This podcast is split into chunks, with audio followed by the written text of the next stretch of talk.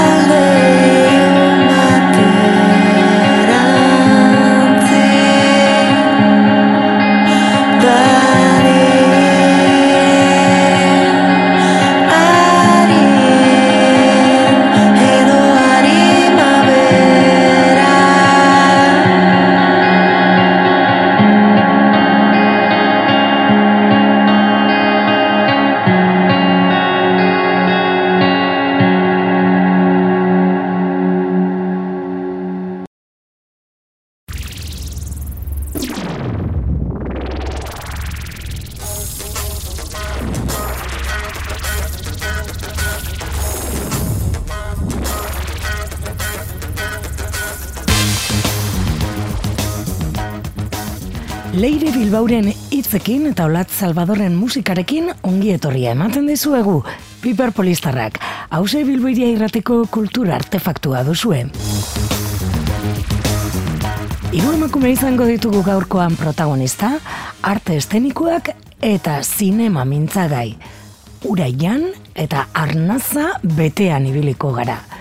Hiru urpekarik gidatuko digute urrazpian, arnaza betean dokumentalean. Atzoko eta gaurko euskal zinemagileak protagonista dituen dokumentala dugu, hiru urpekarik itxaspeko bidai batean gidatzen gaituzte emakumeek zuzendutako filmen zehar eta hietan ba, jorratutako gaiak, pertsonaiak, begira da ametzak, aurrera ateratzeko ahaleginak eta batez ere, zinemari eta gizartiari egiten dioten ekarpena erakutziko dizkigute. Zinemaldian, Euskal Zinemanen gala hortan ikusi al izango da Arnasa betean dokumentala. Berta Gaztelumendi eta Rosa Sufiak zuzendutute eta gurean izango ditugu ura edan beharrean, ura jaten dute artestenikoetako sortzaile askok. Izen buru hori jarri dio, maili goikoetxeak elkarrizketa liburuari. Ura jaten, antzerkia, prestigio soziala eta prekarietatea Euskal Herrian. Gambia bilduman argitaratu da, susa argitalitzeren eskutik Euskal Herriko antzerkizale elkarteak elkarlanean maili izango dugu gurean ere, antzerkiak prestigio sozialik ez duen artean, prekarietatera kondenatuta dago. Esaldi horren argiak eta itzalak arakatu nahian elkarrizketa sakonak egin ditu Euskal Herri osoan zehar. Batez ere, holtzan gaineko lana eskuntza eta medi, mediazio proiektuak ustartzen dituzten atz, antzerki lariekin. Batetik, esaterako asut kolektiboko Manu, Manes eta Simon Fus elkarrizketa tu ditu, itzuli konpaineko Marise Urruti, Urruñako Antzerki Eskolako Isabel Etxebarria, Nafarroko Antzerki Eskolako Monika Torre, Iruñako Teatroko Mai Gorostiaga, Eromena Elkarteko Amankai Gazteinaga eta Goizane Barroso, Arte Dramako Ander Lipus, Eneritzat Artetze, Kukurlusetan Kultur Elkarteko Rita Nabeira eta Koldo Celestino, Garaion Zorginguneko Amaia Gabilondo, Baratza Aretoko Kideak, Idoia Zabaleta, edota adeiabu Pampin Laborateiko Ainara Gurrutzaga. Mamai egoiko txearekin antzerkiaz jardungo dugu. Abietzeko, Kristonak taldea aukeratu dugu. Izan ere, urrian, Kristonak taldeak Liverpool iriko The Cavern areto mitikoan joko du. Urriaren amabian aizu zen ere. E, 2008an pandemiaren erruz, ba, sapustu zitzaien ametza eta bizi berrituko dute orain. Bueno, pues, e, Kristonak Londreseko, bueno, barkatu, Liberreko bide hartuko du, eta, bueno, The taldeak bere lehen kontzertu eman zuen klub mitikortan, e, miadatzen honda iruro eta batean egin zuen, bueno, orain, e, arratioko kristonak bertan izango dira, gainera urte udan desente plaza eki dituzte, edo, bueno, han eta hemen ikusi ditugu, eta, e, bueno, ba, taldea bukatu aurretik, onako hauek iragarri dituzte, iraiaren hogetan amarrean, dimako e, diman egongo dira, dime, dimetal jaialdian, eta aipatu dugu, urriaren amabian, Liverpooleko de Gar e, areto mitikoan e, e, joko dute. Bueno, ba, Piper Polizen abiatzeko kristonak.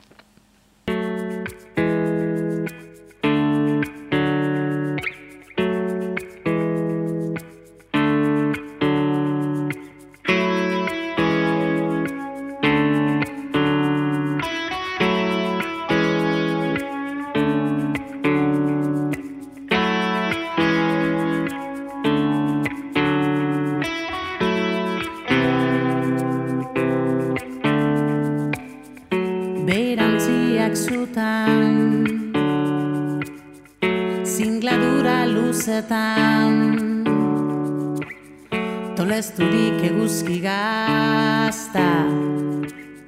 Zeritzazoa gainezka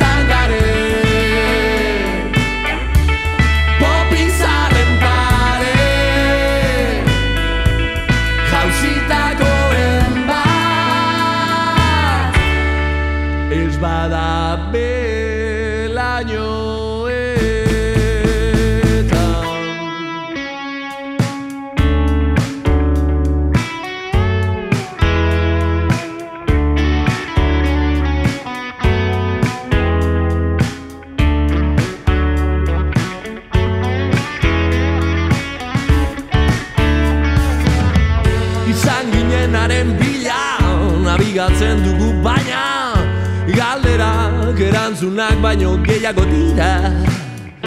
Nor dauka pote horren botea.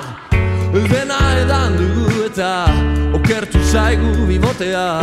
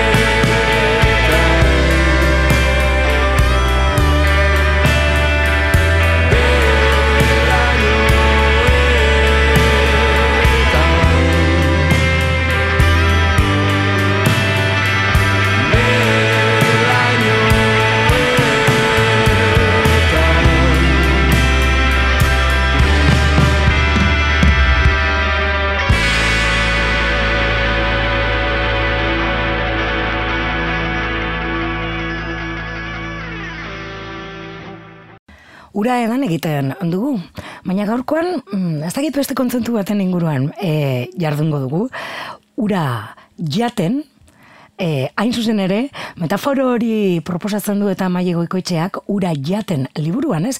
Udaberrian, Susa argitaletzearen gamia bilduman argitaratutako zaiakera edo elkarrizketa e, liburua dugu, ura jaten, antzerkia, prestigio soziala eta prekaritatea Euskal Herrian. Horrela du izenburua. Euskal Herriko Antzerkizale elkarteak, e, susarekin batera, bagan bila bilduma horretan, azken, bueno, ba, liburu plazaratutakoa dugu. Mai daukagu telefonoaren bestaldean, hau parratzaldeon, mai?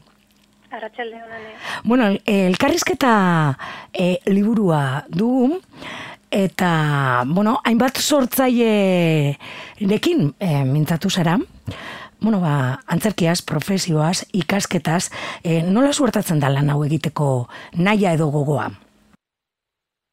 Bueno, ba, zen, eh, nahiko ez ustean harrapatu intuela esango nuke, bai ni eta bai eh, Euskal Herriko Antzerkizale elkartea, EAC, zer, eh, bueno, hasiera batean, beste ikerketa baten arira eh, eman zen, azlengo hasierako ikerketa izan zen Euskal Antzerki Eskolen inguruan, eta ni hortan jarri nintzen mapeo antzeko bat egiten, olako, ba bueno, pixka bat ikusteko ze, ze goera zegoen antzerki hezkuntzen, Euskal Antzerki hezkuntzen, eta ze, ba hori, nortzu zebiltzen lan hori egiten, eta nik ikerketa hori egiten nuen bitartean konturatu nintzen, e, ba egin dituen galdera xumeengatik, mm oso galdera xumeak izan ziren eta sinpleak, ba oso egoera alatzean zeudela lan, lan e, baldintzen lan baldintzei dagokienez, ez? Denek errepikatzen zituztela, hola, arazo berdinak. Horregatik, bueno, nik eh, iritzi artikulu bat idatzen nuen horren inguruan, eta elkarteak proposatu zidan pixka bat hortan sakontzea, eta pixkanaka pixkanaka azkenen baliburu atera zen. Bai ez, e, e, egian zan asko eta sakabanatuak dira ez, e, bueno, ditugun e, antzerki eskolak, e, batzuk arautuan, beste batzuk ez, eta bueno, abar luzea, ez? E, eta orduan hortik abiatuta, e, bueno, ba, mairu e, pertsona, bueno, kolektibo, abar, e, elkarrizketatu dituzu. E, nola egin duzu aukeraketa, ez? Ba, bertan batzuk e, batzuentzat ezagunak egiten zaizkigula, agian beste batzuk ez hain ezagunak, nola hautatu dituzu elkarrizketatu horiek? Bueno, ba, niretzat garrantzitsua izan da, e, nik aurkitu duten e, anistasuna mantentzea. Pixka bat, e, aditzera eramatea anistasun honetan, oza, hainbat e, testu inguru ezberdinetan, e, ze, e, e, bueno, e, bizipen dituen jendeak, ez? E, horregatik, ba hori, jende ezaguna, jen, oso profesionalizatuta dagoena, ez hainbeste, e, banakoak, kolektiboak, elkarteak, eta pixka bat, e, alde batetik hori anistasuna mantendu nahi nuen, e, hori gremioan egiten dutenagatik mm duten anistasuna, eta baita ere gero pixka bat, orekatu geografia aldetik, ba, baita ere alik eta representantioen izan zedin Euskal Herri mailan. Mhm. Elkarrizketa sakonak dira, suposatzen dut liburura eramateko ere, bueno, ba, hor, eh, lan bat dagoela, ez? E, e, laburtu edo, bueno, egokitu hobe esan da, ez? Edo, e, bai. elkarrizketa e, tu hoien esan dakoaren mamia eraman, ez? Baina entzulea, e, bueno, ba, ideia bat egiteko, hortxe irakurri ditzakegu, bueno, ba, biatzen zara, sute kolektiboko komanes eta Simon Fusekin, txuli konpainiako mairize urrutiari ere egiten diozu, urruñako antzerki eskolako Isabel Etxebarria, Nafarroko antzerki eskolako, Monika Torre, Ander Lipus, Ainara Gurrutxaga, Rita Nabeira eta Koldo Celestino, Kukurlusetan eskolakoak, Eneritz Artetze, bueno, eh, badira ez, eh, bueno, la gutxi gora bera, e, baita ere asala espazioa, E, bueno, asko direla, ez? Gutxi gora bera, hola, nentzulea e, e, kokatzeko, ez? E, aukerak eta esan duzun bezala, ba, perfil ezberdinak, lurraldetasuna ere mantenduz, argi dago, iparraldeko e, basortzaiek bestelako arkaski bat egiten digutelako ere liburuan, ez? Bai. Hori da, karo, bai, iparralden gauza klabe bat gertatzen da, eta da estatutua daukatela, eta guk hemen ez daukagu, orduan, bueno, gero hori, hori lurraldetasunari dagokionez, e, iparralde, EAE, Nafarroa, eta bueno, hala ere zaila izan daukerak eta egitea, baina bueno, egin behar zen, mugatu behar zen. Mhm. Eta bai, elgarrezketak oso sakonak izan dira, e, eta bai, lan handia izan da, gila zen, pixkat errepikakorra ez izateko, e, gerta ez adin, bai ez, pixka bat saiatu nahi izan dut norberaren, bakoitzaren altxorrak errekuperatzen ez, Osa, norberaren berezitasun hori e, daukaten e, e, osatzen duten unitatearen barruan, zazken finean denak dira ahots bakar bat, ez, mm -hmm. nola baita esateko gutxi gora berak kultura eta artearen langileak diren enean, baina beraien berezkotasunean ez, badaukate, bakoitzak badauka perla bat ez, orduan nahi izan dut pixka bat perla hori jaso. Hmm. Ura iaten esan dugu, antzerkia prestigio soziala eta prekarietatea. Ba, hor, e, izen buruan dagoeneko ja e, esaten zaigu edo, bueno, e, zer ere aurkituko dugun, ez? Prekarietatea e, e, bueno, ba, bada, liburuan, dagoen, e, bueno, ba, gaietako e, bat, ez? E, bai. ziurgabetasuna, prekarietate ekonomikoa, ez? E, hori, etengabe, bueno, e, islari batek edo protagonista batek baino gehiagok aipatzen du. Bai, bai, eta egia zen, bada kontzeptu bat, buelta desente mandizkioguna liburuan, ba, zentzu batean, subjetiboa izan daitekelako prekaritatea, ez zer da prekarietatea. Mm -hmm. e, zakit, klaro, konparatzen jartzen bagera, ba, ba zakit, e, funtzionario batentzat prekario izan daiteke mila euro edo mila berreun edo mm -hmm. mila bosteun euro korratzea, ez, hilean. Eta beste batentzat prekarietatea da, besterik gabe, ba, ziurgabetasun hori edo ez jakitea, datorren urtean, e, nire lanpostua e, mantenduko dudan edo ez. Bai. Hau da, hainbat ikuspuntu daude prekaritatean inguruan. Eta hori interesgarria da, prekaritatea ez dela bakarrik ekonomikoa. Hori da igual niri gehien interesatzen zaidana eta prestigio sozialari e, gehien lotzen zaiona. Ze igual gizartearen edo ikusgarriena da prekaritate ekonomikoa. Mhm, hori da, bai. ez, e, ez uste, bueno, azalean dagoena baina badago behar bada prekaritate bat, e, bueno, asko simbolikoagoa edo. Eta prestigio soziala horren inguruan ere, aritu e, zarete ez, prestigio sozialik ez eukiteak ekarri dezakelako prekarietatea? Noski, bai, lotuta dago, azken finean, ba, liburuan badago tesi ba- bat edo, eta Mm. elkarrizketa hauek osatzen dute halako ikerketa bat, ba, tesi hori baiestatzeko, edo ez estatzeko, eta kasu honetan pixka bat baiestatu egin dute elkarrizketak, niri tesia izan zen, ba, hori arteak eta kulturak euskal gizartean ez duela prestigio sozialik, eta ondorioz, e, ba, bueno, artean eta kulturan lan egiten dugunok prekaritatera kondenatuta gaudela nolabait. Mhm. Eta eta hala da, prestigio soziala hitz egiten dugunean ari gera ba orokorrean gizartean e, baloratzen ditugun gauzetaz. Eta artea eta kultura ez ez ditugu behar bizela baloratzen ez dugu ez ditugu aintzat hartzen, ez ditugu mm, beharrezkotzat hartzen gure gure bizitzan eta gure egunerokotasunean. Mhm. Zuk zeu definitzen duzu liburuan, ez? Prestigioa zer den, ez? Pertsona da gauza batek duen izen ona, garrantzia edo eragina. Beraz, e, argi ikusten duten bertoko protagonistek gizartean ez tala, ez, ez dutela hori e, e, eurek egiten duten, euren jarduna. Bai, bai, hori da, hori da, eta elkarrizketatuek ala berretsi didate. Bai, egia da, egon direla pixka bat baita ere hor zarantza batzuk eta ikuspuntu ezberdinak prestigioaren eta prestigio sozialaren inguruan, baina ere zuk oraintxe ondo esan dezun bezala nik prestigioa horrela ulertzen dut, Mhm. ba, ez gar- garrantzia, eragina, nola baiteko presentzia edo beharra, ez? Eta ez hainbeste adibidez e, popularitatea, osa badago jendea ere prestigioa Bai. eh, eh, ez dakit, Famatua fama izatearekin, ez? Bat egiten bai, duela. fama- Hori da, fama kutsu bat, edo diztira hori, e- eta ez, ez, dio, ez dut eh, nik horrela ulertzen.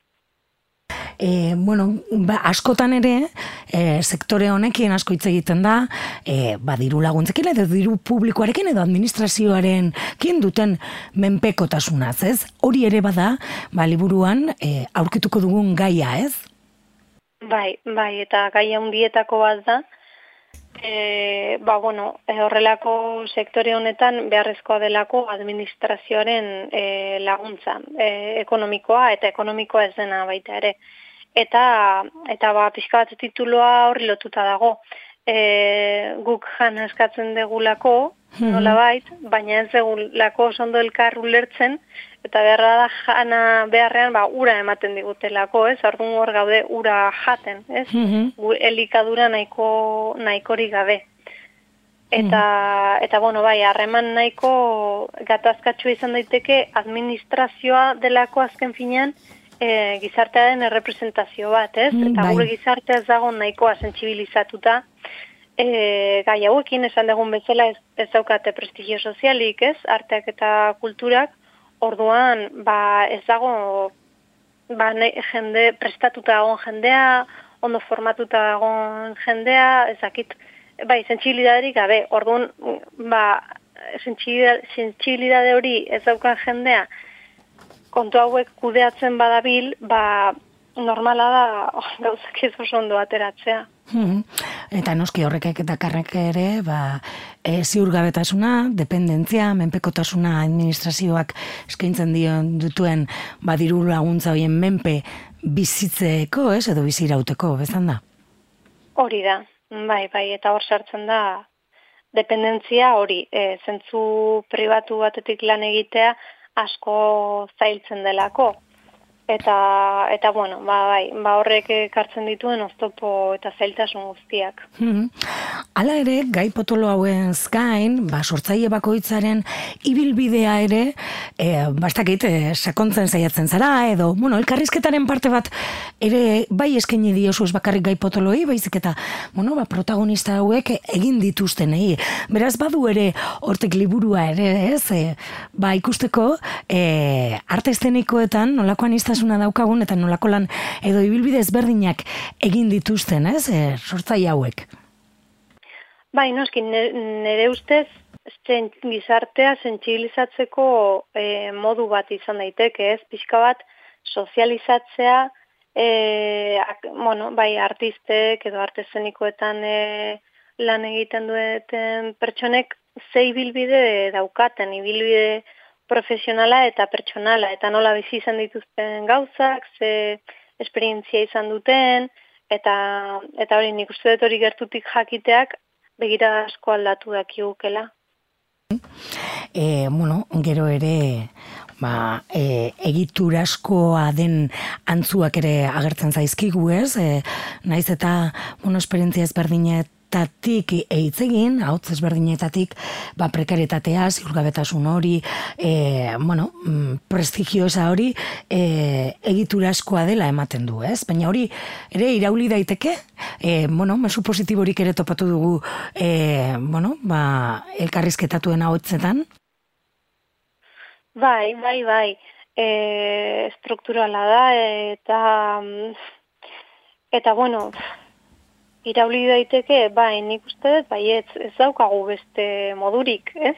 Ez dugu horrela bizi nahi, e, oso bizitza tristea eta grisa izango litzateke, daukagun egoerara, egoerari men egitea, ez? Orduan, ba, ez daukagu beste remediorik e, gure individualtasunetik eta kolektiboan baita ere, e, importantea direlako biak, individuak norbere bidean e, hartzen dituen tresnak martxan jarri eta ze, ze bide jorratu nahi dituen ikusi eta gero baita ere kolektiboan saretu eta eta indarrak batu. Mhm. E, bueno, amairu elkarrizketa hauetan sarrera bat dugu, en, nola ez, eta azken gogu eta batzuk ere e, egiten dituzu ez, e, ba, bueno, suposatzen dut, pertsona hauekin e, luze eta zabale ire berba egin ostean, hoiek, e, bueno, ba, labur bildu eta liburura ekarri, e, di, dituzun on, ostean ondorioak ere bildu dituzu, ez? E, ze, ze ondorio azpimarratuko alko genuke? Bueno, e, balde batetik, oraintxe azpimarratu dizuana, e, zarea e, beharrezkoa dela, eta eta hori faltan dugula Euskal Herrian baita ere, hori izan da ondorietako bat, e, nahiko ba, hori individualizatuta gaudela e, gehiegi, eta zarea falta zaigula, pixka bat e, kolektiboki antolatzeko, zentzu guztietan, bai lan baldintzako betzeko, eta bai, bai baita ere, ba, orokorrean, e, bueno, ba, sinergiak edo sortzeko, ez?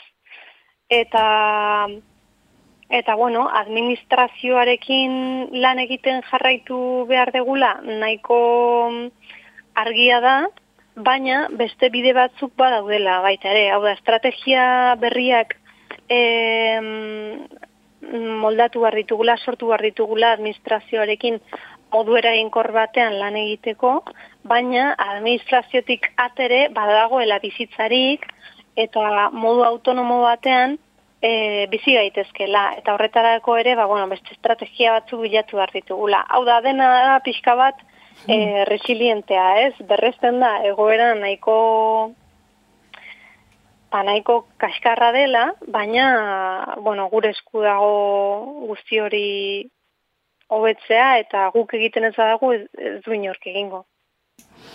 Bueno, e, udaberrian plazaratu zen, ura jaten, e, bueno, elkarrizketa e, liburu hau, ez, e, bueno, ba, ipatu ditugun e, kolektibo eta pertsonekin e, elkarrizketa liburu hau, ez, euren ez, bizipenetatik eta esperientzetik, ez dakit nola e, jaso duzun erantzuna, zer, zer jaso duzun, e, bueno, lan e, luze honen ostean, ze suposatzen dut, ba, denpora batzu bat em, eraman dizula, ez, bueno, ba, guzti hauekin hitz egin, gero labur bildu, Bai, zer jaso dudan e, prozesuan zehar, edo E, liburu liburu bai, argitaratzen behin plazaratuta eta ja, bueno, hortxe kalean egon da.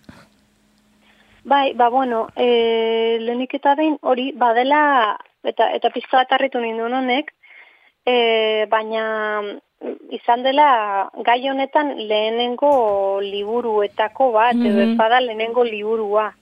E, gai hontaz hitz egiten duena euskeraz, Bai. Euskal Herrian, hau da badela zerbait oso berria, Mhm. eta bide berri bat e, irekitzen duena nola bait, eta bueno, ni, ni hori pixka bat harritzen hau, baina uste dut Euskal Herrian askotan gertatzen dela, ez? E, daukagun egual egoeragatik. E, hau da, bide asko irikitzeke daudela oraindik eta edonork egin irikitzakela bide horiek, ez? Mhm. Eta gero, bueno, ba, bai, ba, erantzuna izan da pixka bat, e, beharrezkoa zela hau plazaratzea. Pixka bat sektore pribatuan edo gelditzen diren konbertsazioak direla, tabernetako konbertsazioak edo lagun artekoak edo lankiden artekoak, baina ez zela hau inoiz publikoki hitz egiten, eta hori beharrezkoa zela. Mhm. Eta Bai, ez? Asko.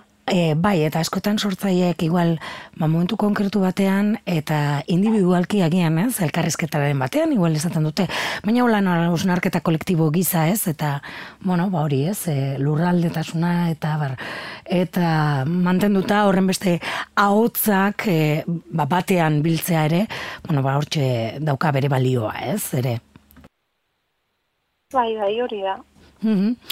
Bueno, ba, hortxe esan bezala, e, Gambila bilduman, Susa argitaletziaren eskutik, Euskal Herriko Antzerki salearekin elkarlanean, hortxe dugu ura jaten, antzerkia, prestigio soziala eta prekarietatea Euskal Herrian.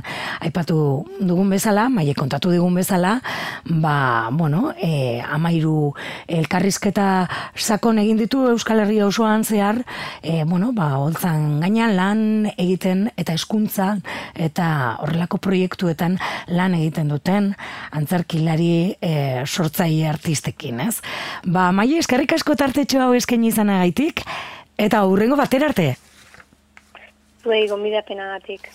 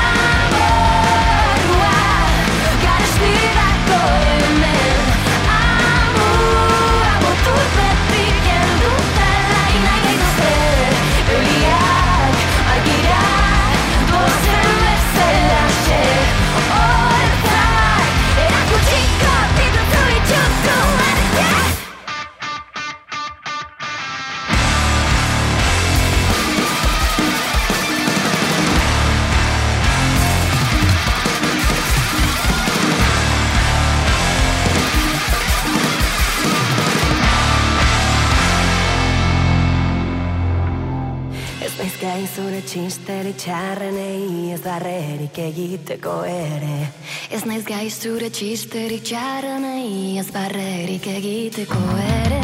Ez naiz gai zure txisterik ez barrerik egiteko ere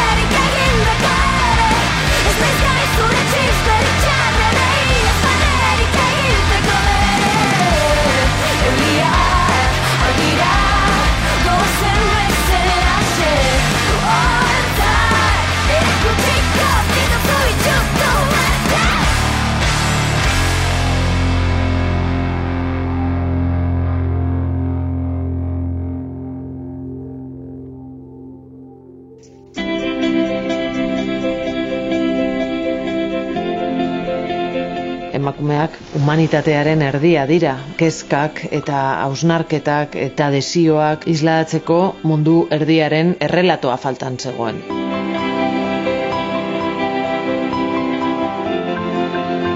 eskertu beharreko lehenengo gauza izango litzakeela e, egitearen ausardia.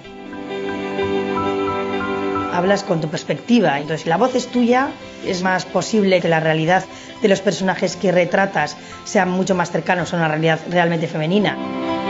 Feminismoak niretzako daukan gauza eder bat, dene jartzen dola zalantzan, ez?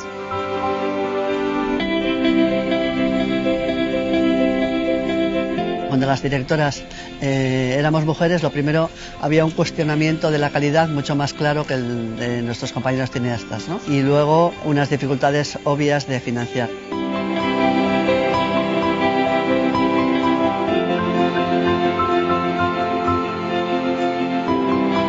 Sea, llevamos como, como muchísimos grandes premios de mujeres. Y no es porque estemos de moda, es que por fin hablamos. Por fin nos escucha bien. ¿Qué pasa contigo, chupa? ¿Qué es?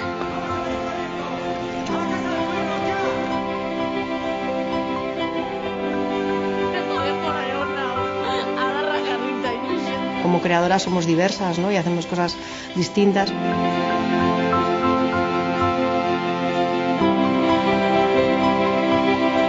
Zinema lista egin nahi duenak egin dezala, ez? Fikzioa egin nahi duenak ez dezala dokumentala egin.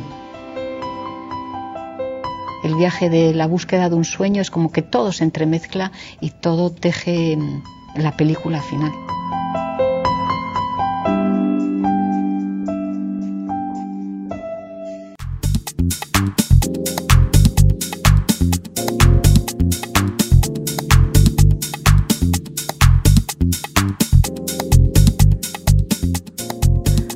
Arnaza betean, apulmon, emakume zinemagilei buruzko dokumentala Donostiako zinemaldian estrenatuko da. Dokumental filme luzea da, Arnaza betean, hogei Euskal Zinemagile protagonista dituena. Euskal Zinemaren galan barruan estrenatuko da, iraiaren hogeta zeian. Rosa Sufiak eta Berta Gaztelumendik idatzia eta zuzendua da, eta bertan ditugu telefonoaren bestaldean. Suposatzen dut, Berta, gogotzu izango zaretela film luzea erakusteko. Bai, bai egia esan gogotsu gaude, badakizu, ba, bueno, hilabeteak eta hilabeteak eman da gero horrelako lan batean, azkenean iristen zea, eta nahi ez da aurkeztu behingoz, eta jakitea zeharrera duen, hortaz ere, baditugu tximeletak zabelean, mm jakin arte jendiari gustatuko zaion, edo zaion gustatuko. Egia da, guri gustatu zaigula, eta lasai erela egindako lanarekin, baina hori gu, zena jakin beharko genuke. Bueno, hori e, laster izango da irariaren hogeta zeian.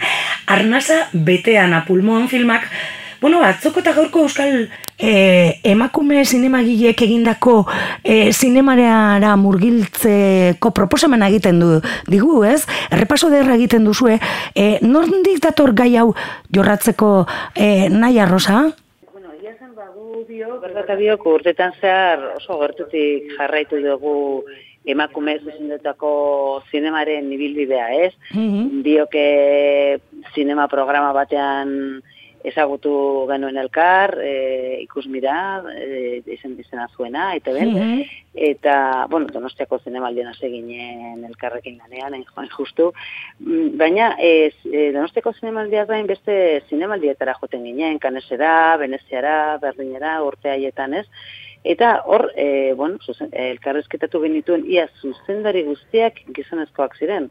Ez egon ia emakumerik, eta, mm bueno, zirenak ez ziren, nekez iristen ziren zinemaldietara ez. Eta, bueno, arrezkero ere e, jarraitu dugu zinari lotuta, nik e, ETB-en eta tabakaleran eta bertak lau film, e, luze, lau film luze egin ditu albaino lehen. Eta ikusi dugu, ba, nola emakumea pizkanaka pizkanaka sartu diren zinema munduan, naiz eta e, behar bezain ondo ez e, baloratuak ez izan. Mm-hmm. Eta, bueno, eta horrela eritxi gara azken urteotan bizi dugun loral dira, ez? Mm -hmm. e, ja, bueno, oain ikusten garen ja emakumeen presentzia zinemaldietan, sariak irabazten dutela, dituztela, eta eta errakasta dutela bietako batzuek, eta kilean ere. Bai, eta dokumentazio lan egin behar izan duzu, eh? izan ere, ba, bueno, lista ikusita batzuk guretzat ere esagunak dira, eta hien lanak agian azken urteetan ikusi ditugu, e, beste batzuk agian ez zaizkigu hain ezagunak egiten, berta, e, horrere, edo, bueno, ba, aspaldi dara mazuen ez ontan, ba, bueno, ba, zen eukaten buruan, e, zeintzuk aipatu edo dena jaso nahi izate hori, ez? Bueno, hor, hor, ba, lehenengo erabakia izan zen, ba, bueno, irizpide bezala jarri genuen, ba, luze metrai batzuenak eh, Mhm. kontutan hartuko genukela elkarrezketa egiteko, edo filma erakusteko. Gertatzen dena da, bueno, oso garbi genukan, ezin genula guztiak sartu. Hori sartuzkeo ez zan dokumental bat, beste zerbait izango zen, katalogo bat edo dena delakoa. Orduan, benetan mingarria izan da, erabakitzea nor bai, norrez, Mm. baina e, egia esan ez da, ez da izan gauza bat nun utzi duzun bat kanpoan pentsatuz gutxiagoa zela. Ez, Ja. ez da horrela zan. Gure Mhm. sailkapena beste bide batetikan etorri da. Hau da, guk gidoia egin dugu beste irizpide batzen arabera, egin dugu, ba, bueno, e, gaika, Bai. egin dugu gidoia osatu, eta orduan gidoia horrek esatzen zegun zinegile batzuen pelikulak egotea eta beste batzuena ez. Mhm. Baina ez kalitatea irizpide e, aurrean genukanik. Bai ez, eta e, aipatu duzu dagoeneko, ez nola antolatu duzuen, gaik antolatu duzue, eta gaietako bat, eta, bueno, e, ikusita trailerra, arnasa betean, e, ba, itxasua, bada gai bat, ez, e, e, Rosa? Bai, bai, bai. Bai, itxasoa ba, hasieratik inspirazio iturrea izan da guretzat, e, bueno, e, azteko e, emakume zinegileen pelikuletan asko errepikatzen den gaia edo figura da, ez? metafora ezberdinez beteta, eta, eta bueno, hortik tira ba, egin genuen, o, asmatu genuen fikzio bat, Mhm. non hiru urpekariak, bueno, e, urpekariek gidatzen gaituzte gai ezberdinetan zehar, eta eta gure lehenengo gaia da, ez? E, Mhm. ba, nola e, irudikatu dute itsasoa eh, filmetan eta ze zentzua, zentzuekin egin duten emakume zinegileek, ez? Ba, itsasoa zentrala da pelikulan. noski. Bai ez, e, hiru urpekari horiek e, eramaten gaituztelako, eta esango nuke, e, bidai bat proposatzen diguzuela, ez, e, e, berta? Bai, bai alaxe da, e, bidaia bada azken finean, hau, bidaia, ba, filmen e, emakumez, emakumezkoek egindako filmen zehar, eta paraleloan, Rosak esan duen bezala, gertatzen den fikzio txiki hori ipuntxo bat bezala. ez? Mhm. Eta ipuntxo hori ere planteatuta dago bidai bat bezala, hasiera badaukana eta helmuga badaukana. Bai, bidaiak badauka hemen e, baita ere esan nahi, ba, esango nuke, potente bat, baita ere bidaia gaia bera zineman tratatzen dugulako beste atal batean, beste atalekin batera, Mhm. eta filma ere planteatuta dagolako, ba, zentzu batean, edo zentzu handi batean bidaia bezala. Mhm. E, gaika, itzasua e, aipatu dugu, baina gai gehiago ere e, jorratzen e, dituzue, edo landu dituzue, ez da, Rosa? Bai, bueno, e, bai, errepikatzen diren beste gai batzuk, emakume zinegileen e, pelikuletan, errepikatzen diren beste Mhm. gai batzuk, esate baterako ba, ba, gerra, adibidez, Bai. e, gure herriko historian gertatutako gauzak ez, e, gerra edo gatazka, e, noski emakumen aurkako indarkeria, eta gero ba, zinea, zinea, Mhm. bera, asko hitz egin dugu beraiekin zineari buruz, bai dokumentalari dokumentalei buruz, bakizue ba oso ohikoa dela, ohikoak direla emakumeen zineman. Bai, dokumentalak egitea, ez? E, ba, film luzeetarako zailtasun handiagoak daudelako, ez, bidean. Hori da, Mhm. hori da, hori da. Bai, Bai, behaiek, bueno, batzuentzat, eta, ba, bueno, e, gustatzen zaizkio Mhm. generoa, Osea, gustatzen zaien generoa, eta horregatik landu dute, baina beste kasu batzuetan izan da, ba, horrekonturik edo finantziaziorik ez zutelako fikzio bat egitea, eta lehenengo urratsa bezala egin dute. Danetatik dago, eh? baina, bueno, ba, zinemaz asko hitz egin dugu, eta nola egiten duten lan, eta bueno, gauza asko, interesgarria izan da. Elkarrizketa asko eta asko egin dituzue, suposatzen dut gero gidoiari heltzeko eta gero hori ez, ba, laburtzeko ere komeriak e, e, izan dituzuela, ez, e, berta? Bai, bai, komeriak, baina naundilla gainera. Imaginatzen. Beti izaten dugu, bi zentimetroko gidoi batetik hasi ginela, eta gero utzi dugula ba, ma, milimetrotan, ez? Da, kendu eta kendu, da, bueno, da, kentzeak izugarrizko mina ematen dizu, baina ezin dana sartu. Garbi geneukan, ezin ginela oso luzera joan, e, bestela, ba, bueno, eraginkortasuna galduko zulako gure dokumentalak, eta guk nahi genuen helburuentzako. Eta orduan, ba, bai, ba, hori izan da, gai asko, eh, elkarrizketa luzeak izan dira, Mhm. oso interesgarriak, guztiak, eta gero pena mate dizu denak kentzea, bueno, denak kendu ez dugu kendu noski, baina asko kendu behar izan dugu, gauza, ba ez dakit, irurogeita mabos minutu irauten duen pieza bat egiteko. Mm. Galdera baten erantzunen bila ere ibili zineten, ez? E, bueno, ba, dokumental honen hasieran nolan aldatzen e, ari da, ez? Zinema emakumeen begiradaren ekarpenarekin. Eta dokumental honen bitartez ikusiko dugu aldatzen ari dela e, zinema. Zen, e, ba, bueno, e, poblazioaren erdia mm, ez egola ordezkatuta zineman, Mhm. ez? Eta, eta orain e, hor dago edo hasten ari da. E, bai, e, Azteko beti esaten dugu, ba, ezin bakoitza mundu badela, hori Mhm. ez dugu hartu behar, ez? Baina, bai, badaude, ba, koinzidentzia batzuk beraien artean, bueno, azteko ja, gai bat edo bestea jorratzeko orduan, ba, e, emakume izateak eragina du, jakina, ez? Eta oso ohikoak dira, ba, gai batzu, ba, matasuna, edo berdintasuna, edo edo ez dakit alako gauza alako gaiak ez. Baina e, ez dira emakumeen gai espezifiko ez bakarrikari ez, ba, danetaz hitz egiten dute eta askotan aldatzen dena da haien begirada edo haien begiradak ez.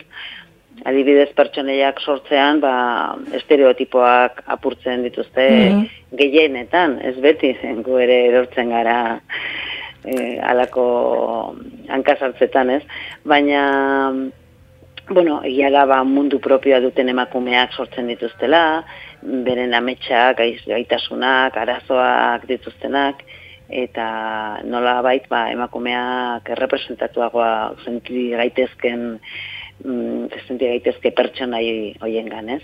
Mhm.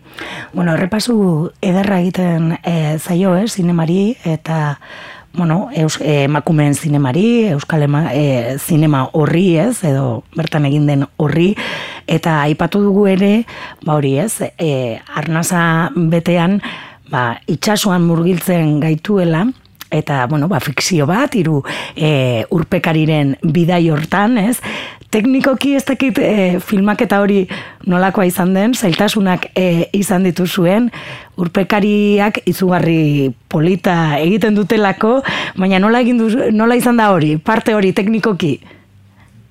Bueno, bai, hori, hori erronka bat zen, baina lehenengo eh, izan behar dago hiru urpekari hauek direla, ba, bueno, oso oso trebeak, Mhm. oso profesio handikoak, eta, bueno, ikusiko duzue, ba, zein ondo murgiltzen diran e, urrazpian. Baina bai, teknikoki erronka bat zen, bueno, e, Ruben Crespo izan da argazki zuzendaria, eta bera da aditua urpeko lanetan, urpeko grabaketetan. Mhm. Eta lehenengo erronka izan zen, ba, bueno, kauntauri itxasotikan eh, mediterranea jungarela, ba, hemen e, ba, ikusgarritasuna oso murritza izaten delako, Bai. eta aldakorra, eta Mhm. orduan ezin zen bermatu bi egun segidan e, grabatuko genukenik, eta azkenean, ba, bueno, ba, errekonduari hau, astindu ederra manda gero, ginen menorkara, egon, tan, iki, oso eguraldi ona eta oso itxaso ona aurkitu genuen, eta izan genuen aukera lau egunetan gelditu gabe grabatzeko. Ze ondo, eh? Eta, bueno, os, bai, benetan, Benetan. ondo, eta benetan,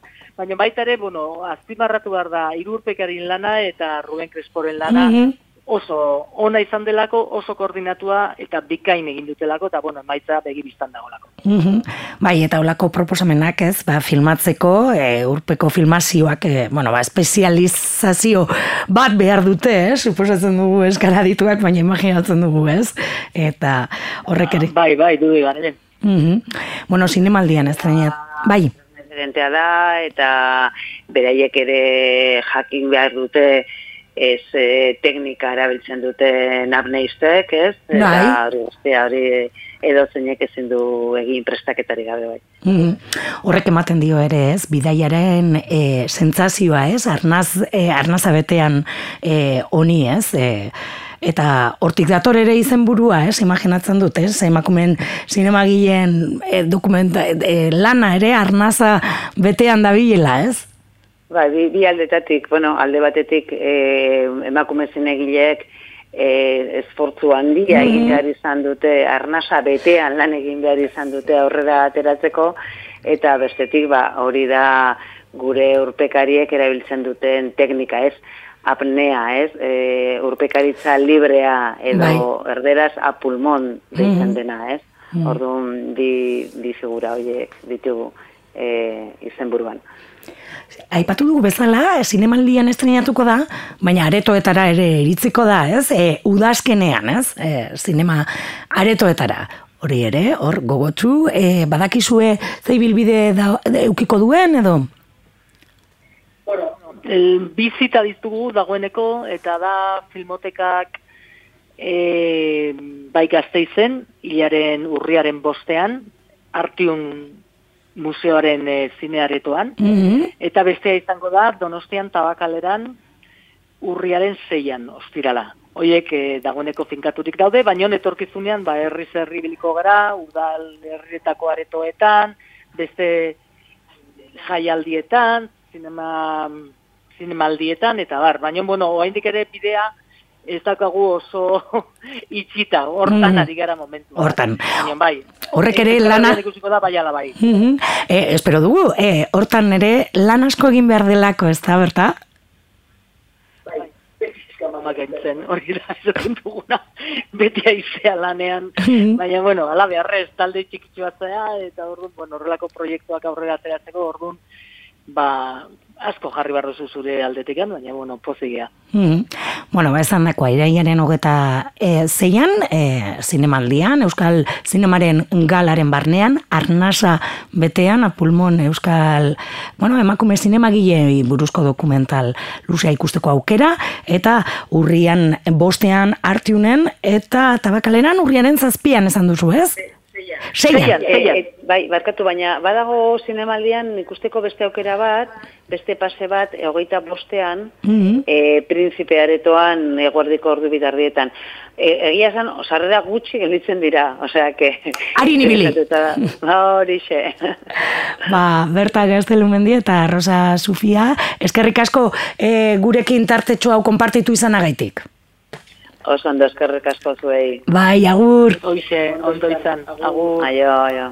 Beste libururen atzean eskuta zaitez Baina beste hitzekin jastakizun horre zaren Etorrita esango dizut nola itzultzen den Hizkuntza bakar batean ea ondu lertzen den Elburua garbi gorrotatzea alden Dakidanetan esango dizut nola ez. Hasi berri isilik geratu nintzen Irainetan igerian alaberrez Baina ez dizut bueltatuko bat bera ere ez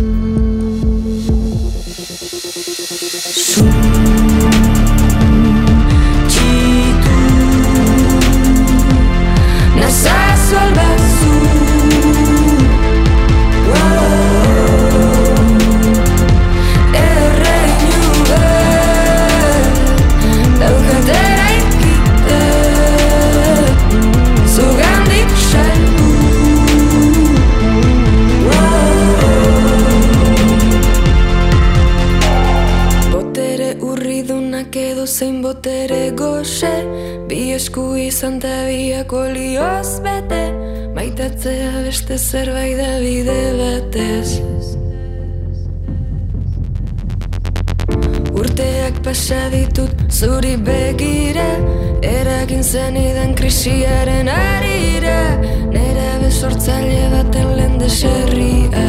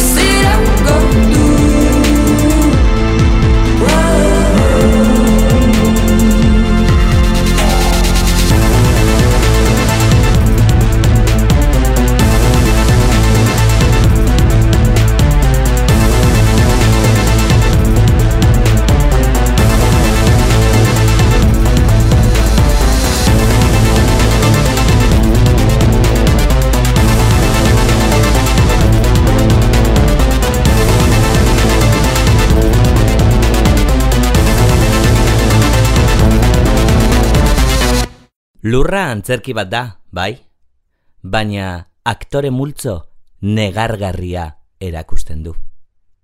Oscar Wilde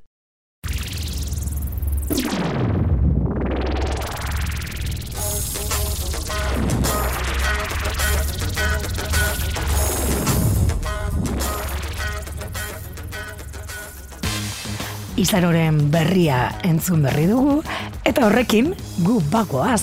Datorren astean izango gaituzu hemen, bilu iria irratiko sintonian, eta arrozazareko zeuen irratian ere. Agur ondo izan!